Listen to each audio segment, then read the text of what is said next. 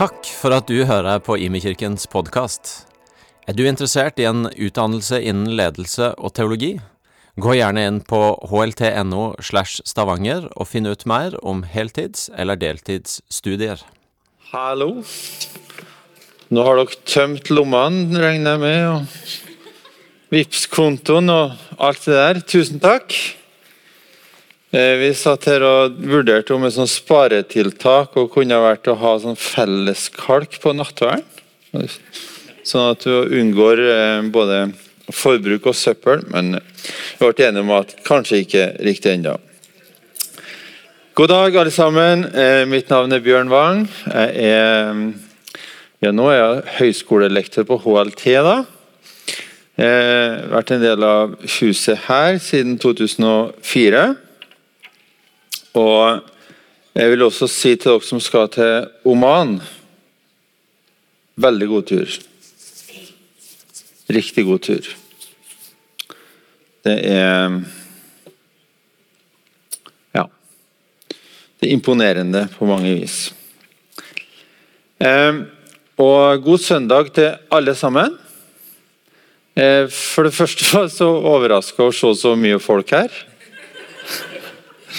Eh, har ikke sett på værmeldingen? Har ikke dere påskeferie? Men hvis det er noen som har valgt å ha påskeferien i Stavanger, så vil jeg si velkommen til Stavanger. Veldig fint. Eh, og eh, velkommen hit, ja. Og til dere som eh, på en eller annen måte hører denne talen på podkast eller noe annet, i solveggen med appelsin, kakao og Kvikk Lunsj Dere er hjertelig velkommen til å, til å lytte sammen med oss. Eh, denne vinteren har jeg fått et anliggende, tror jeg. Fått, fått eh, et budskap som er lagt litt på meg, som jeg tenkte jeg skulle dele. Så jeg lå bare og venta på en anledning til å få invitasjon til søndagsgudstjenesten her. Eh, og, så ble jeg invitert på sånn Unge voksne-viken. tenkte jeg, yes, Da skal jeg få utfolde meg på to bibeltimer. Og så ble den avlyst. Så nå har jeg tatt og komprimert to bibeltimer i en sånn eh, halvtime her. Eh, og kan ha litt liten sånn forkorta utgave, da. Eh, men det det, det det, handler om, eh, eller jeg kan si det det starta som, det var at eh, på HLT, som altså da er Høgskolen for ledelse og teologi, som er eid av pinsevennene og baptistene, og så samarbeider med IMI her i Stavanger og med Ungdom i oppdrag og litt forskjellig, så har vi sånn visjonsdøgn i starten på året. Samla i Oslo, alle lærerne. og det er herlig vet du, å være på bønnemøte med pinsevennene, for det slutter aldri. Sant? Det er ikke et akademisk kvarter. Det, liksom, det går liksom langt utover. Og så, og så ble jeg oppfordra altså, ja, hva skal vi be om når det gjelder IMIS, og så spør de meg, da. Og så, og så visste ikke helt. Men Da er det jo fint at bønnemøtene varer en stund, så kan jeg få tid til å tenke over og, og kjenne etter. Eh, så tror jeg jeg fikk noen ting her som jeg har lyst til å dele nå. Men først skal vi be. Jesus, jeg takker deg at du er her. Takker for ditt nærvær, takker for ditt ord. Jeg takker for din nåde. Jeg takker for den stille uke som vi eh, er i ferd med å gå inn i. Jeg ber at den skal bli stille, at den skal bli til refleksjon og ettertanke, til hvile og til et eh, nytt og fornya møte med deg, Jesus. Jeg ber at vi skal få puste inn din fred. Puste ut vårt strev. Eh, og bli betjent av deg. Jeg ber at du velsigner ditt ord nå, sånn at, at du taler den enkelte eh, sånn som du vil. I ditt navn. Amen. Eh, det kan jo tenkes at eh, det jeg får, handler bare om at jeg har passert 50 og ser litt annerledes på ting. Og det kan tenkes at jeg har helt feil også. Eh, men det jeg tror jeg har fått lagt inn over meg, eh, det er dere som er unge voksne. Og det er litt i vid forstand unge voksne. Jeg tenker ikke bare eh, 25 til 40, men, men eh, i litt vid forstand. Eh, kanskje særlig dere som har småbarnsforeldre eller tenåringer i hus. Eh, de harde 30-åra er jo brukt om eh, 1930-åra. altså før andre verdenskrig. Men det er noe med de harde 30-åra i en persons liv òg, i ens families liv, Eh, altså disse årene fra 30 til 40. Eh, vi er ferdig utdanna, skal etablere oss, får kanskje noen barn, eh, får gjeld.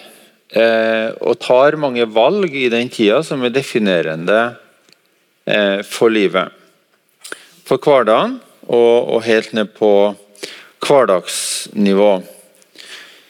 Eh, for min egen del så husker jeg den tida som en sånn ene, en, en, litt sånn lang eh, eh, lang periode der jeg var, vi fungerte som en sånn eh, transportbedrift som hadde konstant mangel på kjøretøy og sjåfører. Og konstant mangel på søvn og penger. Altså Det var liksom bare sånn Jeg ser det noen som nikker gjenkjennende her nå. og det er litt sånn det var litt sånn eh, Det var mye gleder, eh, men det var litt sånn eh, Ja Det fikk Det påvirka. Det påvirka litt. Av og til lange dager på jobb, tilleggsutdanning, prioriteringer av engasjement, penger, tid og krefter. Eh, og eh, Det ble mange kompromiss mellom ideal og virkelighet. Det vi ønska og det vi fikk til. Eh, og, det, og en sånn Mange slags forventninger da, fra både det ene og andre hallen Og liksom Uansett hva, hva jeg valgte, så følte jeg mange ganger at jeg skulle egentlig gjort noe annet. eh, i stedet for. Eh, og at eh, det var et stort potensial eh, for at jeg kom til å skuffe noen. For at eh, jeg klarte jo ikke å innfri alle forventninger. Og Forventningene våre kan ha ulike kilder. Vi kan ha ulike eller vi kan ha forventninger til oss sjøl. da. vi har kanskje noen idealer vi utvikla i tenåra eller ungdomstida. Eh, noen ting vi bestemte oss for, eh, som vi skulle gjøre. Og kanskje noen ting vi bestemte oss for at vi i hvert fall ikke skulle gjøre. Eh, kanskje til og med noe vi opplevde som Gud leda oss til og kalte oss til. Og Du kan ha forventninger til egen økonomi, kanskje. Din egen helse. Din egen evne til å fikse ting, til å klare ting. Eh, og så hadde du kanskje noen forbilder som du ville leve opp til eller ønska å ligne. Eller motsatt, at du hadde negative forbilder, at du i hvert fall ikke skulle bli sånn som den eller den. Så kan det jo ligge forventninger hos familien òg.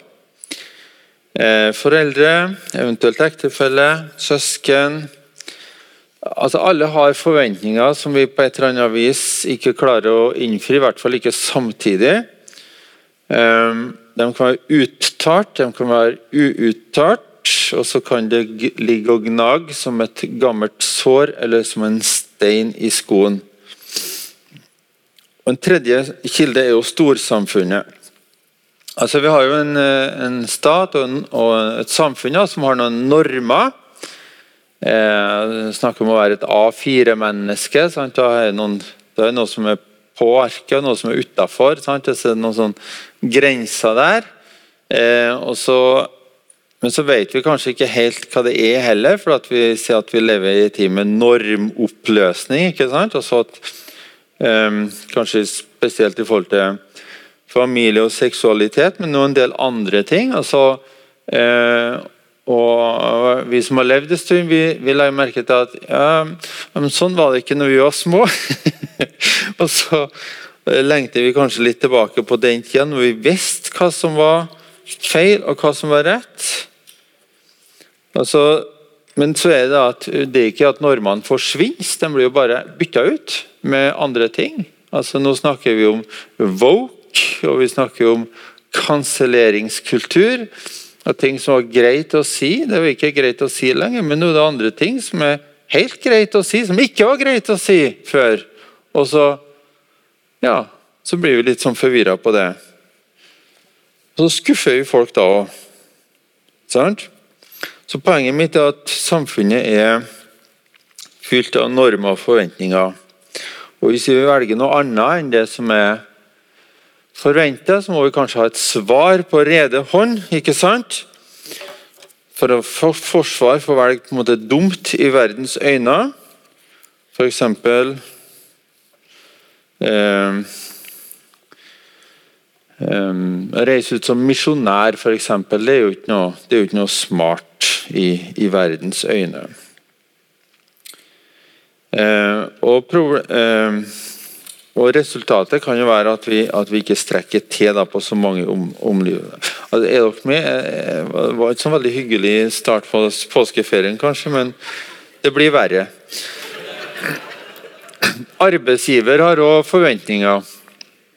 Eh, og Arbeidsgiver har jo egentlig rett til å ha forventninger, for at det er en kontrakt mellom deg og arbeidsgiver som eh, gir en viss betaling for tid og kompetanse, som du da bytter ut, og så, og, så, og så, får du betaling i stedet. Og Det er jo ofte gjenstand for en slags forhandling, men ikke for ofte og for urimelig. Um, Problemet kan jo være når arbeidsgiver har urealistiske eller uuttalte forventninger, at det liksom ligger mellom linjene. Sånt kan man jo bli utbrent av, ikke sant? Og Det gjelder jo dessverre også i det kristelige organisasjonslivet, og ikke bare i det eh, arbeidslivet for øvrig. Og hva med menigheten? Har menigheten noen forventninger? ja, det er klart den har det. For menigheten, det er deg og meg og alle andre. Um, og for at den skal fungere og leve og blomstre, så trengs det jo at alle er med og bidrar. At du ber, at du gir, at du taler vel om menigheten og tjener etter evne og lyst. Det er både en gave og en oppgave. Det er både en nåde og en nødvendighet. I fjor høst så hadde vi en eh, filmserie her om, eh, som het for 'Sprengkraft'. Som var menighetens historie på seks episoder. Ja. Jeg beit meg merke i én ting som Egil Elling sa. Eh, Ellingsen. Han sa at vi må lære oss å verdsette noe vi ikke har betalt en pris for. Eh, og Det beit meg merke Det, det, det, det festa seg hos meg. Det å få høre til i en menighet som noen andre har født fram, og få hvile i en fred som noen andre har tatt kampen for. Men hvordan viser jeg at jeg verdsetter en arv? Og i dette tilfellet en åndelig arv. Jeg har ikke jobba for den, men den har jeg fått gitt til forvaltning. Men Hvordan skal dette henge sammen? Altså, disse fem størrelsene som vi forholder oss til. Familien, storsamfunnet, arbeidsgivere, menigheten, og på toppen av det hele, og innvevd i alt, oss sjøl. Alle har forventninger og krav. Og Til sammen så blir jo dette et eh, krevende regnestykke, da. Eh, som kanskje ikke går opp. Um, og På en måte så kunne jeg hatt lyst til å gitt noe sånn uh, quick fix. Et godt råd. Skrevet den ultimate selvhjelpsboken. En blanding av Marie Kondo, Dale Carnegie og Jordan Peterson. Det hadde vært bra. Um, og så bare, bare googler jeg 'tidsklemma'. Det er en interessant begrep. Og Det er veldig, my veldig mye sånn mammablogger og pappablogger som har eh, om tidsklemmer. Så jeg lurer på hvordan har de tid til å skrive om det? Men det er jo kanskje uh, Ikke sikkert det var ikke sikkert det klemt så hardt likevel. Men det blir penger og sånt, kanskje. Jeg vet ikke.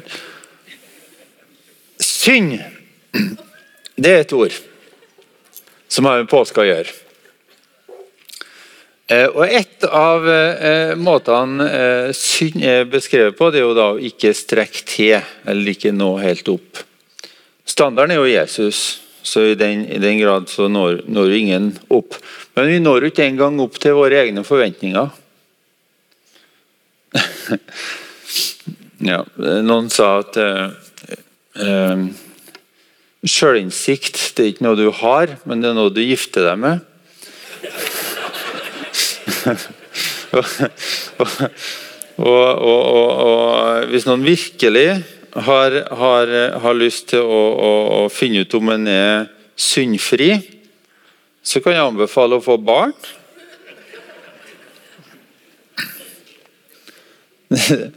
Men eh, altså, det er klart at når vi ikke engang eh, strekker til våre egne forventninger, så, så, så, så, er det jo et gap mellom oss og Gud på et eller annet vis. Og Det betyr jo ikke at Gud ikke liker oss eller er glad i oss. Det betyr bare at det må skje et eller annet med den synda. da. Og Jeg har lurt litt på hva slags bibelsk historie skal jeg bruke for å liksom forklare poenget mitt her, og anliggende. Og har landa på historien om Jakob i Det gamle testamentet. Altså i første Mosebok eh, eh, 32. Altså Abraham, Isak og Jakob. Jakob han var eh, den yngste av to svært ulike tvillinger. Eh, eh, nå Altså, nå skal vi bli besteforeldre til tvillinger i år. Og så spør folk er det enegga eller toegga. Ja, det vet ikke jeg. Men Jakob og Esau de var definitivt toegga. Sånn til de grader. Eh, de var ulike både i utseende, interesser og temperament. Og Esau han var jo da pappagud som gjorde sånne manneting. Sånne manne-manne-ting.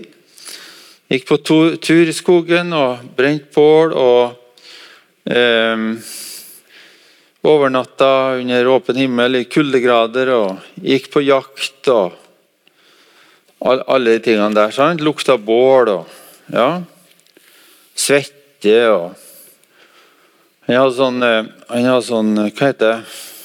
Um, Hva heter det? Det er sånne, sånne amerikanske Instagram-folk som, som, har sånne tømmerhuggerskjorter og sånne capser og sånn.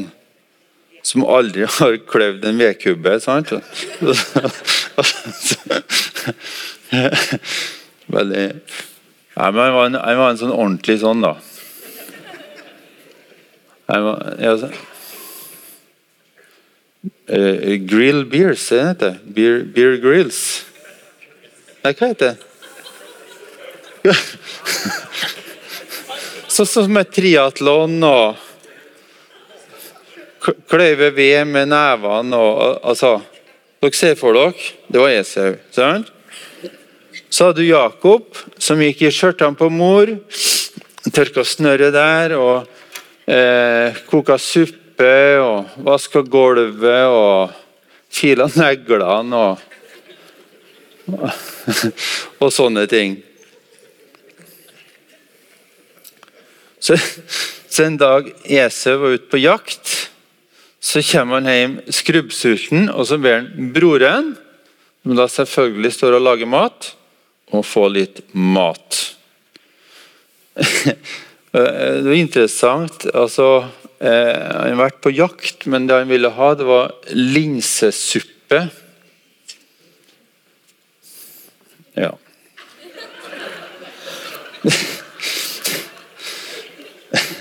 Det var ingen døgnåpen bensinstasjon den gangen på vei tilbake. sant? Og Jakob han hadde heller ikke vært med på noen godhetsfestival. Så han skjønte med en gang at her var det rom for forhandlinger. Så han sa ok, du kan få en tallerken med linsesuppe, men det jeg vil ha fra deg, er da førstefødselsretten. Det var jo ingen eh, altså Det er klart at når du forhandler, så skal du aldri starte med et kompromiss. så, men Esau, han, eh, han eh, Jeg vet ikke hvordan det sto til med sjølinnsikten der heller, da, men han sa i hvert fall eh, Ok, hvis jeg dør, så har jeg jo ingen bruk for Eh, første, først, førstefødselsretten, så eh, den forhandler jeg bort. Så Esau selv førstefødselsretten for en linserett. Og det blir jo feil, både for kjøper og selger. Og Så skjer det en ting som ikke er så lett å forstå for oss i vår tid, nemlig dette med fars velsignelse. Og Her må vi bare si at det er det er noen sider av historien som er borte. Vi skjønner ikke det, hva, hva fa, at far hadde en velsignelse som gjaldt bare én sønn. Men vi får skyld på at det er i den gamle pakt. Men det viser seg at faren deres, da, Isak, når han da skal gi Han skal nærme seg at han skal dø, og så skal han gi denne velsignelsen til sin eldste sønn. da, så er det et plott mellom mor og yngste sønn, Jakob. For han sender da sin eldste ut nå. Ja, er, så må du ut og så må du jakte, eh, skyte et dyr, og så må du lage til en rett, og så skal du få min velsignelse. Eh, og tror jo at han må ha noen svekka Et slags svekka sanseapparat, da, Isak. Det står det forresten noen antydninger om men han ja, høres ut som Jakob, men eh, kjennes ut som Esau osv. Så, eh, han eh, lurer seg til sin fars velsignelse. Det kan dere lese mer om i første Mosebok kapittel 27. Men poenget er at når han finner ut av det, så blir han forskrekka. Eh, og når Esau, broren, finner ut det, så blir han jo rasende. Han skal drepe sin bror. Eh, og ut av beskrivelsen så er det vel ingen tvil om hvem som hadde vunnet en slåsskamp. Så Jakob han eh, tar ut på flukt, og det blir år med flukt. Flukt fra broren, flukt fra seg sjøl, og på en måte også flukt fra Gud. Og På veien bort fra farshuset så har Jakob riktignok et sterkt møte med Gud, hvor Gud lover å være med han. Og I parentes bemerka så kan jeg jo si at Gud handler jo ikke etter, med oss etter våre gjerninger, han handler med oss etter sin nåde. Og Det gjorde han også i, i Det gamle testamentet. Eh, Jakob kalles det for Betel, som betyr Guds hus. Og der i, i eh, sin flyktningetilværelse, da, så får jo Jakob både familie eh, Han får eh, rikdom og velstand. Så på én måte blir han velsigna. Men han kommer i konflikt med folk der òg. Inkludert sin egen svigerfar. På et tidspunkt så skjønner Jakob at han må hjem igjen. Eh, men da må han møte sin bror. Og det er jo et problem. Og Broren han har ikke glemt det som skjedde. Og Det er her at historien kan tjene som en inngang til påskeuka. Eh, for i påska så blir vi jo påminnet Jesus sin død og oppstandelse. Det er mange som lider og dør i verden. Det er mye lidelse, også her. Men Jesu død angår oss alle. Eh, og eh, måten vi forholder oss til den på, det bestemmer jo evigheten for oss. Og så er det noe i Jakobs møte med Gud som kan si oss noe veldig viktig her. og Da har jeg lyst til å lese. Og Det jeg vil lese, det er fra 1. Mosebok kapittel 32 og fra vers 21. Slavene dro i forveien med gaven, mens Jakob ble værende i leiren om natten. Samme natt sto han opp, tok de to konene sine, de to slavekvinnene Jeg har ikke tenkt å kommentere eh, på akkurat det. Eh, og de elleve sønnene og gikk over vadestedet ved Jabok. Han satte dem over elven og brakte over alt han eide. Jakob var alene tilbake, og en mann kjempet med ham helt til det grydde av dag. Da mannen så at han ikke kunne vinne over ham, ga han Jakob et slag over hofteskåren. Så hoften gikk ut av ledd mens de kjempet, og han sa, Slipp meg, for morgenen gryr. Men Jakob svarte, Jeg slipper deg ikke uten at du velsigner meg. Hva heter du? spurte mannen. Jakob svarte han. Da sa mannen, Du skal ikke lenger hete Jakob, men Israel skal være navnet ditt, for du har kjempet med Gud og mennesker og vunnet. Da ba Jakob, si meg navnet mitt. Han svarte, hvorfor spør du om navnet mitt? Han velsignet ham der.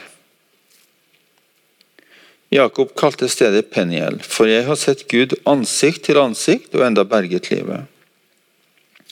Solen gikk opp over ham eh, da han eh, kom forbi Penuel og han haltet pga. hoften. Derfor er det slik den dag i dag at israelittene ikke spiser muskelen over hofteskåren, for mannen ga Jakob et slag over hofteskåren på muskelen. Det er interessant at han sender alle folkene sine i forveien.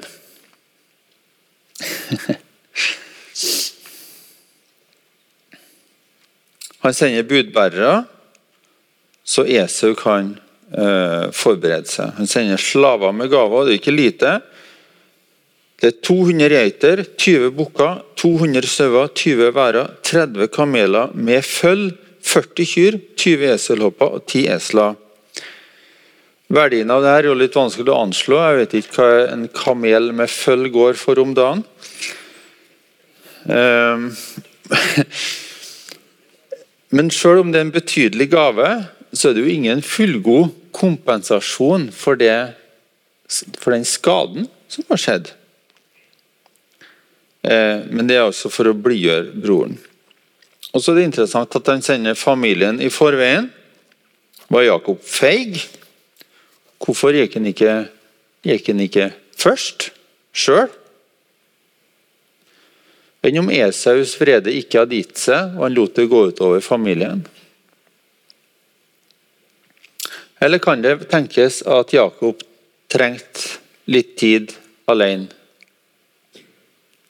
før han gikk? Og Det står at de er et vadested. Et vadested er jo et sånn lavt punkt, ikke sant? Du kommer ikke lenger ned. Det er liksom ned og så, og så, og så opp igjen på andre sida. Han er uten familien sin, uten tingene sine. Han er like alene og like fattig som den gangen han flykta derifra. Og Nå går han tilbake samme veien. Og Det er da Gud møter han. Og Så er det noe med det å møte Gud alene, ansikt til ansikt. Det er jo klart at Kristenlivet også har en kollektiv side. Vi er her som et fellesskap. Vi feirer nattvær som et fellesskap. Eh, vi tilhører hverandre, vi er i en relasjon, vi er i en pakt, og vi tror sammen. Og Det er en rød tråd gjennom hele Bibelen at eh, det er med Guds familie. Ikke sant? Fra første til siste kapittel. altså En privatisert, individualisert kristentro. Det er ikke det er ingen bibelsk tro. Det er et moderne, vestlig produkt. Men likevel Guds relasjon er jo også personlig. Gud møter hver og en av oss der vi er. Eh, og han har en tendens til å være spesielt nær når vi er på det laveste punktet i livet. Og det er klart at Jakob var redd. Han, han, jo, uh, han hadde jo flykta i over 20 år. Og I verste fall så ville broren holde sitt ord og drepe ham. Så det var en viss risiko kan du si, forbundet med hjemreisen. Men av og til må vi gjøre det som er rett, i stedet for det som er behagelig. Og hvorfor Gud møter Jakob i form av en mann denne natta, det er, kan jeg heller ikke forklare. Men flere ganger i Det gamle testamentet så gir Gud seg til kjenne gjennom en engel, og engelen har form som et menneske. Så vi bare lar, bare lar akkurat det være. Det er heller ikke poenget i historien. Poenget er kampen. Og De kjemper hele natta. Og Jakob slipper ikke.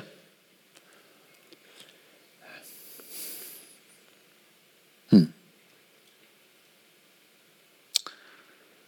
Han trygler. Og hva trygler han om? Han trygler om velsignelsen. Og det er merkelig. For det som Jakob før har tilegna seg gjennom tvilsomme handlinger, luring og bedrag, det er nå blitt viktig for han. Og Her var ikke Jakob i en forhandlingssituasjon. Han hadde ingen linserett å bytte ut. Han hadde ingen forkledning å komme fram i. Han hadde ingen maske å gjemme seg bak. Han hadde sendt fra seg alt han hadde, og han sto ribba tilbake. Men så er det noe mer, for Gud spør etter navnet hans. Og hvorfor var det viktig? Jo, alle navn i Gamle Testamentet betyr noen ting. Og Jakob, på det språket, det betyr noe sånt som den som er lur, den som lurer unna, den som bytter seg til, osv. Bytte, bytte ut ting, et eller annet i den duren. Og På en eller annen måte er det sånn i vårt gudsforhold også. At det kommer en dag hvor Gud spør hvem er du egentlig? Hvem er du når du er alene? Hvem er du når ingen andre ser? Eh, jeg tror det var D.L. Moody som sa 'character'. Han sa det på engelsk, da, for han var amerikaner. 'Character is what a man is in the dark'. Altså, eh, når ingen andre ser deg, hvem er du da? Hva har du gjort? Hva flykter du fra? Hva har du innerst inne bygd identiteten din på? For Jakob var det jo et nederlag å erkjenne sin sanne natur. Men det ville vært et enda større nederlag å ikke gjøre det. For menneskers velsignelser dem kan vi jo tilegne oss gjennom uærlig framferd. Luring, bedrag osv. Men eh, de velsignelsene varer også bare ei kort tid. Guds velsignelse gjelder både dette livet og det neste. Og Det tjener Jakob til ære at han skjønte hva som sto på spill, og at han gikk i bånd. For det gjorde han virkelig. Og Han ble merka i livet etter denne hendelsen. Han halta. Han fikk et liksom slag over hofta som gjorde at han halta.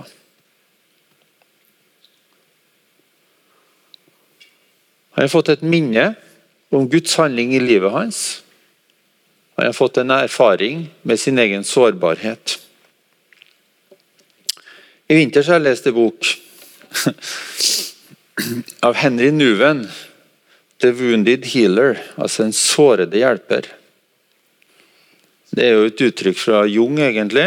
Men, men eh, Henry Nuven, eh, som på slutten av livet ble prest på et sånt eh, bofellesskap for psykisk utviklingshemmede i Canada, eh, han eh, eh, han skrev boka 'En sårede hjelper'. og det er at den, På engelsk er «Den sårede helbreder'. Eh, og Den som da skal hjelpe andre, må ha kontakt med sin egen sårbarhet for å være i stand til å hjelpe andre, egentlig. Så når vi har nådd og Poenget er ikke å være en sånn uh, åndelig ekshibisjonist, som man kaller det. På en måte stille ut alle svakhetene sine. For det hjelper ingen. Altså, halve livet mitt har jeg jo vokst opp på en hard bedehusstol og hørt om forkynnere som har gnåla om hvor syndige de var.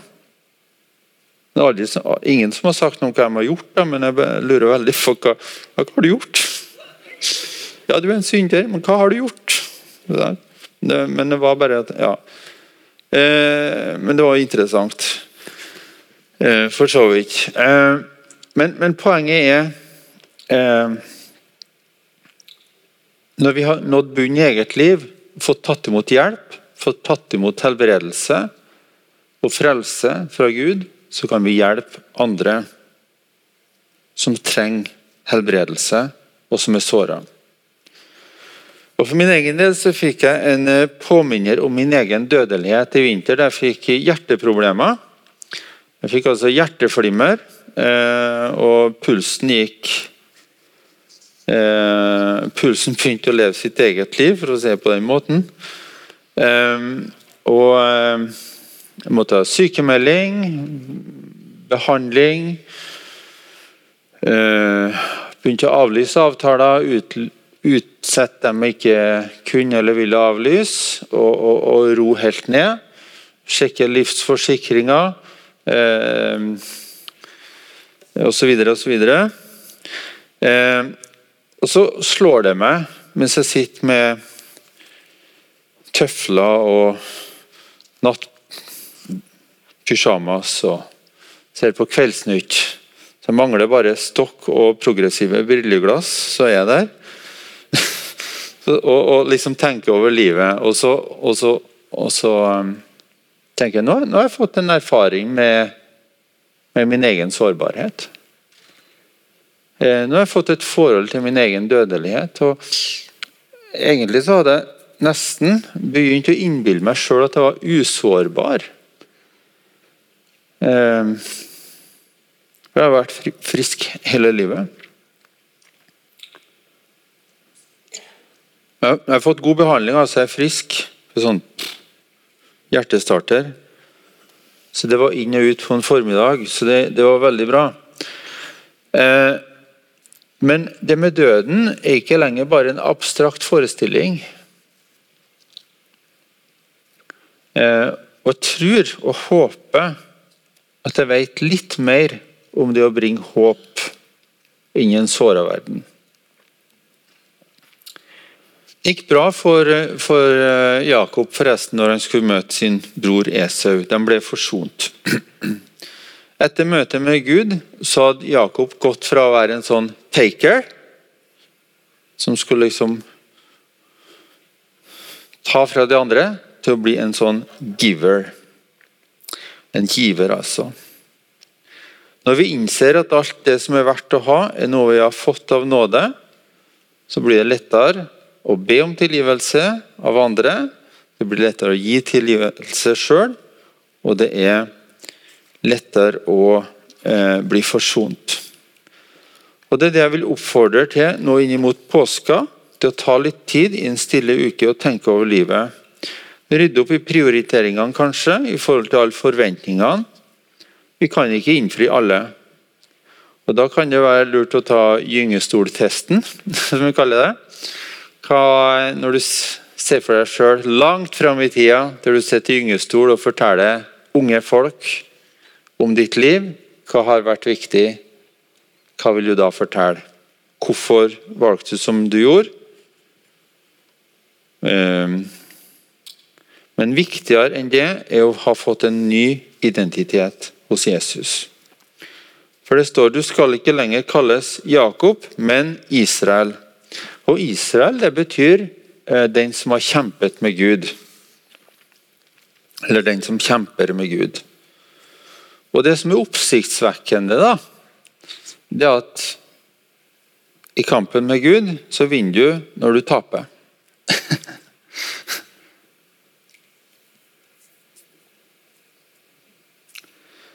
Jakobs kamp er på en måte et slags frampeik på Jesus. For Da Jesus døde på korset, så var det et tap. Han døde faktisk, og han tok med seg vår synd, vår skam og frykt og smerte på korset. Et enormt tap.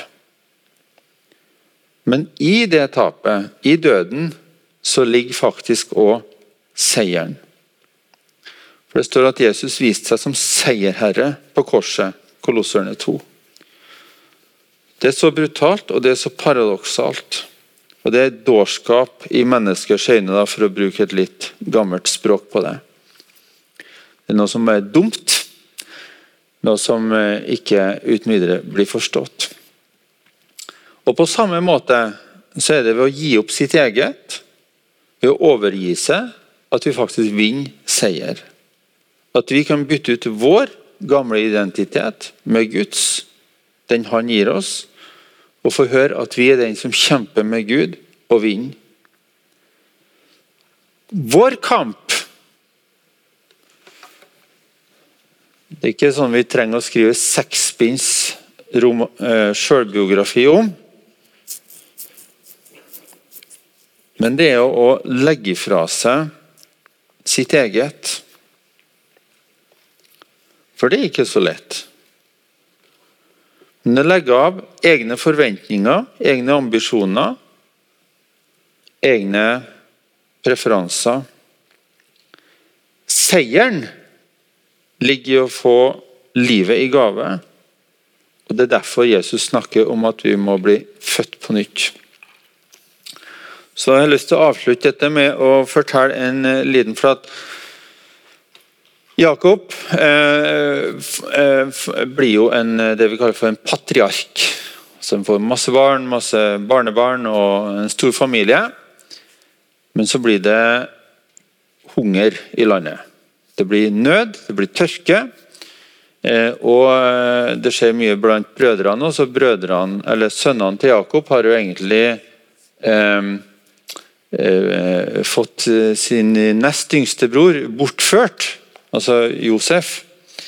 Eh, og de innbiller faren da, at eh, han er drept av et dyr. Eh, og Det er en stor sorg som han lever med resten av livet. Men så viser det seg at Josef, etter mye om og men, faktisk har blitt en fremstående mann i Egypt, der han har sørga for at de har nok korn til å kom seg gjennom en, en tørkekatastrofe på sju år. Eh, og, og, så, og, så, må også Jakob og hans familie til Egypt og kjøpe korn. Og Så finner de ut at etter hvert, da, for han gir seg til kjenne, at det er vår bror vi, vi handler korn med her. Altså, Hvordan kan det ha seg? Eh, og Etter hvert så, så flytter hele familien til Egypt. Eh, og da er Jakob gammel. Han er veldig gammel. Eh, møter sin sønn Josef og farao, som er konge i Egypt. Han sier til Josef jeg må møte din far. og Så står det i første Mosebok, kapittel 47, vers 10, at dette møtet Se for deg verdens mektigste mann, farao, i Egypt. Som har gjort seg rik på en verdenskatastrofe. Sånn? Bare selg korn til hele verden. Kjempe, altså. Det er ingen leder i verden i dag som er så mektig som farao var på den tid. På ene sida. Og så har du på andre sida En som har blitt fattig og rik og fattig og rik mange ganger, og som kommer til Egypt som økonomisk flyktning. Jeg trenger mat. Sant? Og så står det Og Jakob velsignet farao. Det snur det hele på hodet for meg. Hvis du møtte verdens mektigste mann eller kvinne, var det du som velsigna vedkommende? Eller forventa du å få noe av han? Og Jeg tror nøkkelen til at Jakob velsigna farao, det ligger i den historien vi har lest. For at når du har overgitt hele deg til Gud og fått hans velsignelse i retur, så har du et overskudd til å velsigne hvem som helst i dette livet. Står, det står, står ikke i Bibelen, men det, en, den, det er sagt at den som bøyer seg for Gud, kan gå oppreist gjennom livet.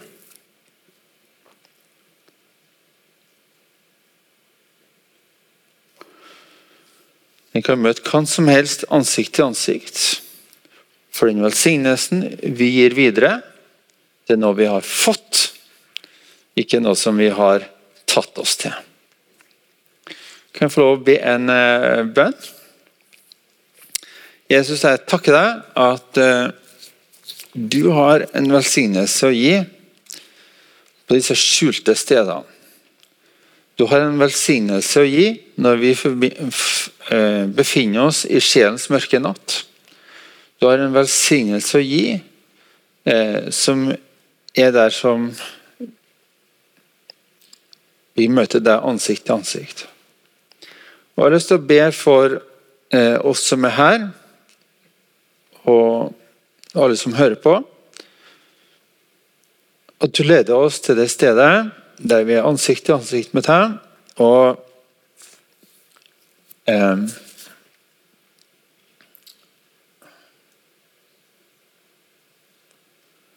Vi får dette byttet. Der vi kan legge fra oss alt vårt hos deg, og så kan, kan du få begynne å velsigne oss.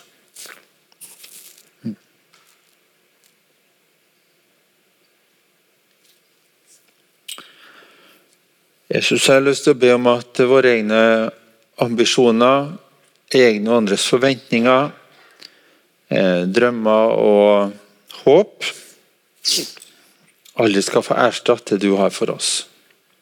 Mm. Mm. Ditt navn, Jesus.